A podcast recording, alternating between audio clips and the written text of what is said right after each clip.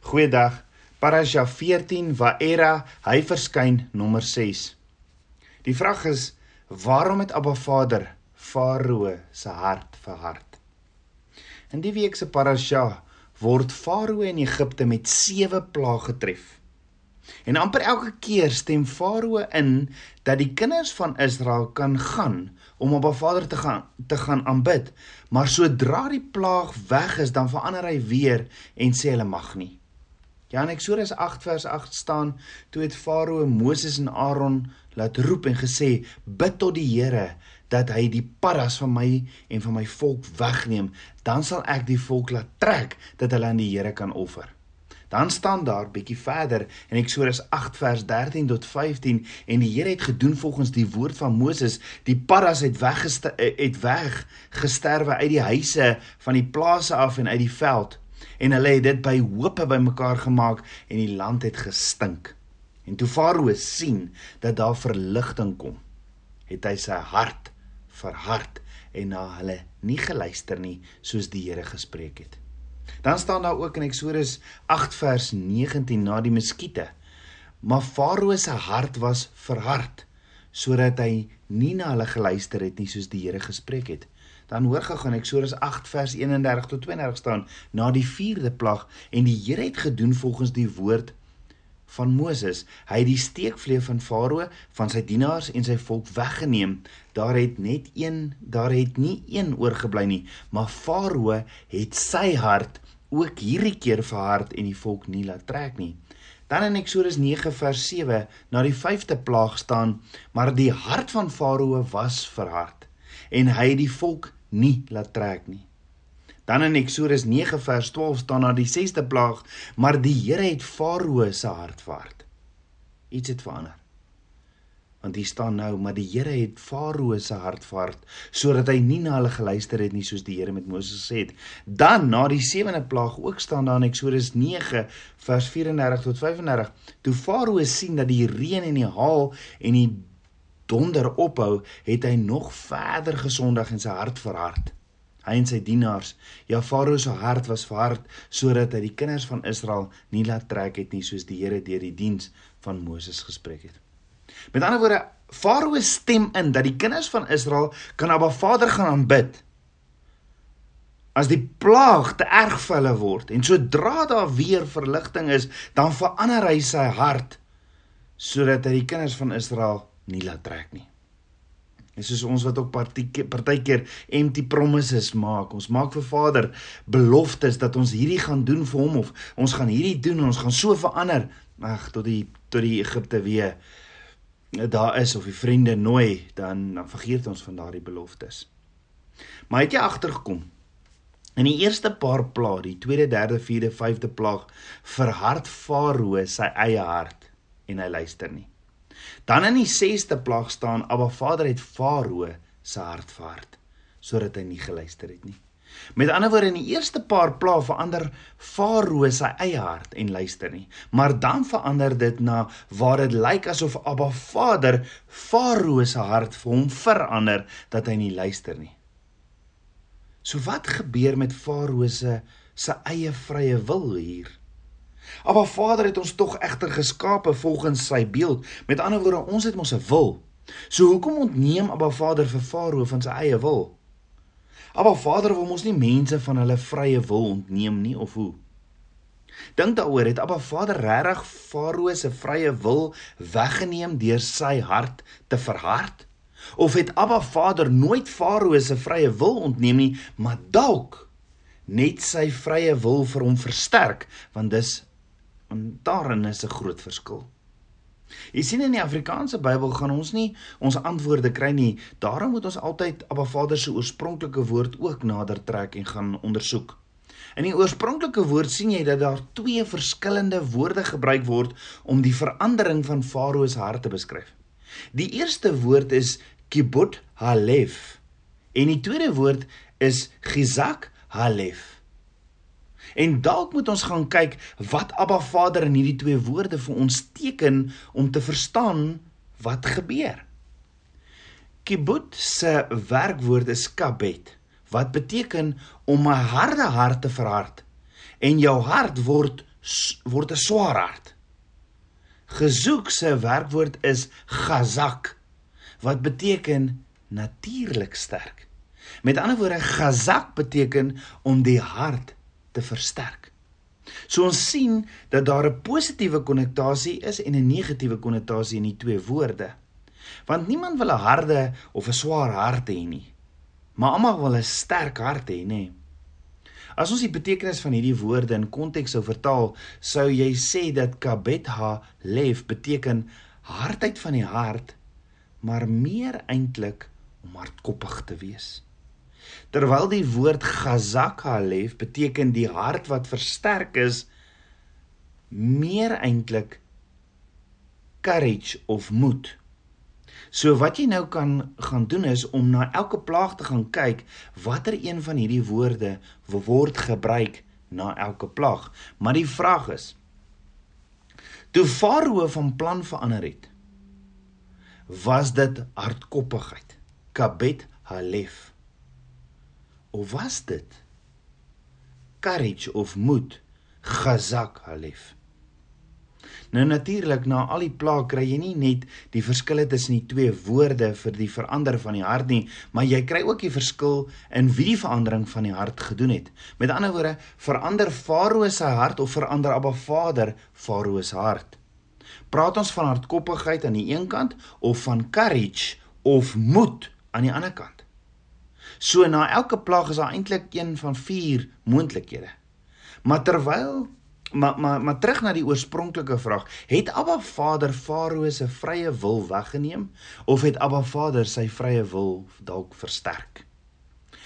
As jy aanvaar dat die vrye wil van Farao eintlik versterk word deur Abba Vader, dan beteken dit Abba Vader het nooit Farao se hart verhard nie wat beteken Abba Vader het nooit Farao hardkoppig gemaak nie. Die enigste ding wat Abba Vader ooit sou doen is om Farao meer moed te gee om die stryd voort te sit. Dink daaroor. As ek en jy moed gee as of of as ek jou moed gee om jou visie na te streef, dan versterk ek mos jou jou vrye wil. Met ander woorde, as jy in die oorspronklike woord gaan kyk, sien jy regdeur die hele gedeelte, na elke plaag sien jy Abba Vader verhard nooit ooit Farao se hart nie. Die enigste ding wat Abba Vader wel doen en sal doen is dat hy Farao se hart magziek. Nou wat beteken magziek? Dit beteken as daar 'n oomblik is waar Farao se moed, se courage hom in die steek laat, sal Abba hom die moed gee om voort te gaan om sy visie na te streef. Maar wat is die visie van Farao? Ironies genoeg is sy visie die uittarting van Abba Vader. Met ander woorde, Abba Vader gee Farao eintlik die courage of moed om hom uit te tart. Want as Abba Vader nie op hierdie oomblik aan Farao moed gegee het nie, sou Farao toegegee het of opgegee het. Nie omdat hy sy visie sou prysgee om Abba Vader te wil uittart nie. Hy sou nie dit sommer uit vrye wil wou doen om om op te hou om Abba Vader te tart nie of om om om toe te gee vir Abba Vader nie. Ook nie omdat hy sy teologiese ingesteldheid sou verander het nie, maar bloot omdat hy sou misluk het. Hy het net nie meer krag gehad nie. Hy het tydens elke plaag 'n gebrek aan courage en moed gehad. Hy was nie sterk genoeg om voort te gaan nie. Maar Abba Vader gee hom elke keer hierdie courage of moed, krag om voort te gaan met sy eie dat dat dat Farao aangaan met sy eie vrye wil. En dit is uitdagting vir Abba Vader. Met ander woorde, dit is asof Abba Vader vir Farao sê: "Farao, ek wil nie hê dat jy aan my moet toegee of onderdanig aan my moet word omdat jy nie die krag of courage of moed het nie. Nee, Farao, ek wil hê jy moet my onderdanig wees en toegee tot my wil omdat jy wil." En jy jouself, jou visie wil verander omdat jy my liefhet en omdat jy net my wil wil doen. Net so tabernakelskind van Abba sê Abba Vader ook vandag vir jou, my kind. My wil is dat jy jou onderwerp aan my, aan my wil, aan my woord. maar ek sal nooit ooit my op jou afforceer nie. Nee, ek wil hê dat jy jou jou wil verander uit eie wil. Jy sien, wie wil iemand forceer om jou lief te hê? Niemand. Met ander woorde, die 10 plaae was 'n soort leerskool vir Farao, vir Egipte, die kinders van Israel en ook vir my en jou vandag.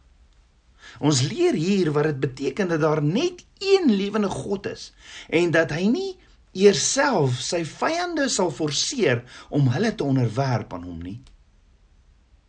So die vraag is Tabernakels kind van Abba, hoekom wil ons, hoekom wil ons dan mense forceer om hulle te onderwerp aan Abba Vader?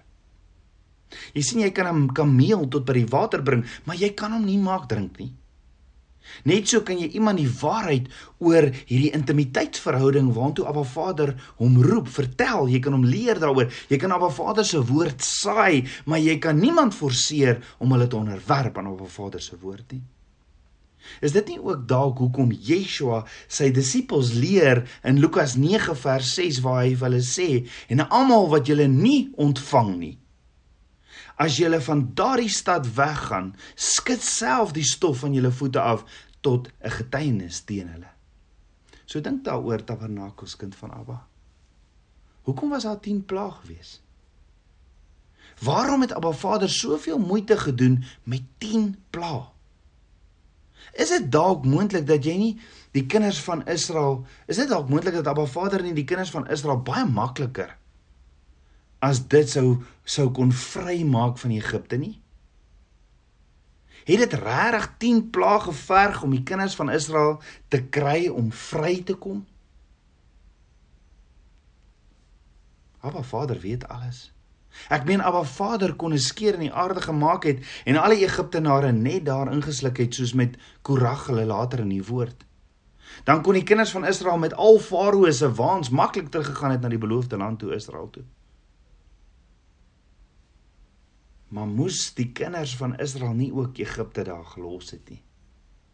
Maar daar's ook ander redes vir die 10 plaae. Daar was 'n opvoedkundige agenda en 'n les oor die enigste lewende God wat wat die enigste een is wat beheer het oor al die aspekte van die natuur. Hy's die enigste lewende God.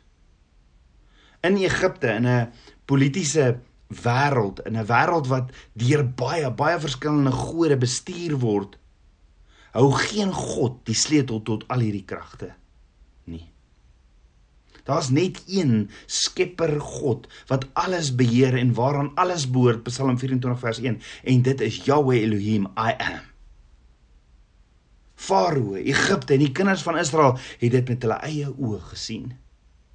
Dit lyk na die sewende dit lyk na die sewende plaag asof Farao eintlik tot hierdie waarheid kom en dit verstaan want hoor wat staan in Eksodus 9 vers 23 tot 24 en Moses het sy staf na die hemel uitgesteek en die Here het donder en haal gegee en vuur het na die aarde uitgeskiet en die Here het haal op Egipte land laat reën En daar was haal en ophoudelike vuur binne in die haal, baie swaar soos in die hele Egipte land nooit gewees het vandat dit aan 'n ander vandat dit 'n volk behoort het nie. Hierdie haal is 'n baie spesiale soort haal. Dit is vuur en haal. Nou haal is mos ys. So dis vuur en ys saam. As dit net normale haal was, sou jy seker kon sê die ysgod het nou die ysgod hou nie hou nie nou van Egipte nie of verloor ook hierdie botsing met Abba Vader. Net soos daar net 'n normale vuur uit die hemel sou kom, sou jy kon sê die songod of die vuurgod hou nie van Egipte nie of het 'n botsing met Abba Vader gekom. Maar 'n verbinding tussen die vuurgod en die ysgod. Nee. Hierdie was nie hulle nie, dit was die enigste lewende God Want hoor gou-gou Farao se reaksie in Eksodus 9 vers 27 tot 29. Toe het Farao Moses en Aaron laat roep en vir hulle gesê: "Ek het die keer sonde gedoen." Hoor gou-gou weer Farao sê vir Moses en Aaron: "Ek het die keer sonde gedoen." Wat is sonde nou weer? Sonde is wanneer ek Abba Vader se woord nie gehoorsaam nie. Maar dan gaan hy verder. Die Here is reg. Maar ek en my volk het ongelyk bid tot die Here. want daar is oorgenoeg donder van God en haal gewees, dan sal ek julle laat trek en julle hoef nie langer te bly nie. Nou in die oorspronklike woord sê Farao eintlik vir Moses: "Julle God Jahwe is die regverdige God. Ek en my volk is goddeloses." Nou tot en met hiertoe het Farao nog nooit oor die botsing tussen hom en Abba Vader gepraat oor hoe oor oor hy is reg of ek is verkeerd nie. Nee, die mortaliteit kom eers in die prentjie as jy die skepper van die hemel en aarde uittart en dit is nie reg om die skepper uit te tart nie. Farao besef dit in die sewende plaag en die plaag het Farao tot hiertoe gelei dat Farao toegegee het want hy was verpletter deur die plaag van die haal. Ek meen sy eie towenaars en sterrekykers op wie hy vertrou het om advies te bring kon die plaag van swere, die 6de plaag nie eers verduur het nie. Maar hoor gehou, na hierdie sewende plaag het Abba Vader Farao die krag courage of moed gegee om voort te gaan. Die krag om sy visie na te jag sodat hy nog nie die kinders van Israel het gaan het om op 'n Vader te gaan bid nie. Maar Vader het Farao eintlik net versterk in sy eie vrye wil. Maar Vader het Farao krag gegee in sy eie hardkoppigheid want die pla is nog nie klaar nie. Daar's nog 3. Die lesse wat Abba Vader vir Farao, vir Egipte, die kinders van Israel vir my en jou hier uit leer is is nog nie klaar nie. En die vraag is, watse hardkoppigheid sit ek en jy vandag mee soos Farao? Hoe verkeerd het Abba Vader jou dalk ook al geleer oor sy waarheid, maar jy weier en jy weier en jy weier en jy weier want jou eie vrye wil is vir jou net te belangrik. Farao het na die sewende plaag die waarheid erken, maar weens sy eie hardkoppige vrye wil het hy hom nie aan Abba Vader ontwerp nie. Onderwerp nie. Farao het al die tekens gesien, maar nog steeds nie vir Moses geglo nie, want die eie vrye wil was vir hom net te belangrik. En die vraag is, wat van my en jou? Tabernakelskind van Abba, hoekom nie vandag jou eie hardkoppige, vrye wil neerlê en jouself onderwerp aan Papa God nie? Hoeveel tekens en duidelike instruksies van Moses het jy nie ook al gekry nie?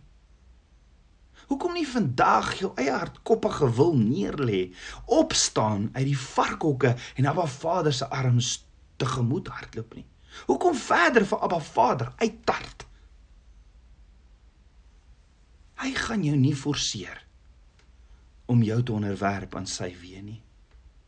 Maar sy wil is dat jy hom na, na hom toe moet terugkeer. Hy wag vir jou met oop arms. Kom ons bid saam. Aba Vader, koning van my hart. Aba, ek loof en prys U. Vader, ek kom onderwerp my totaal en al aan U. Vader, as daar enige farao in my is, nog enige hardkoppigheid wys my Abba en was my met waterpad van u woord Abba u is my alles meer en meer van u ek bid dit alles in Yeshua Hamasieg se naam die seun van Jahweh Shalom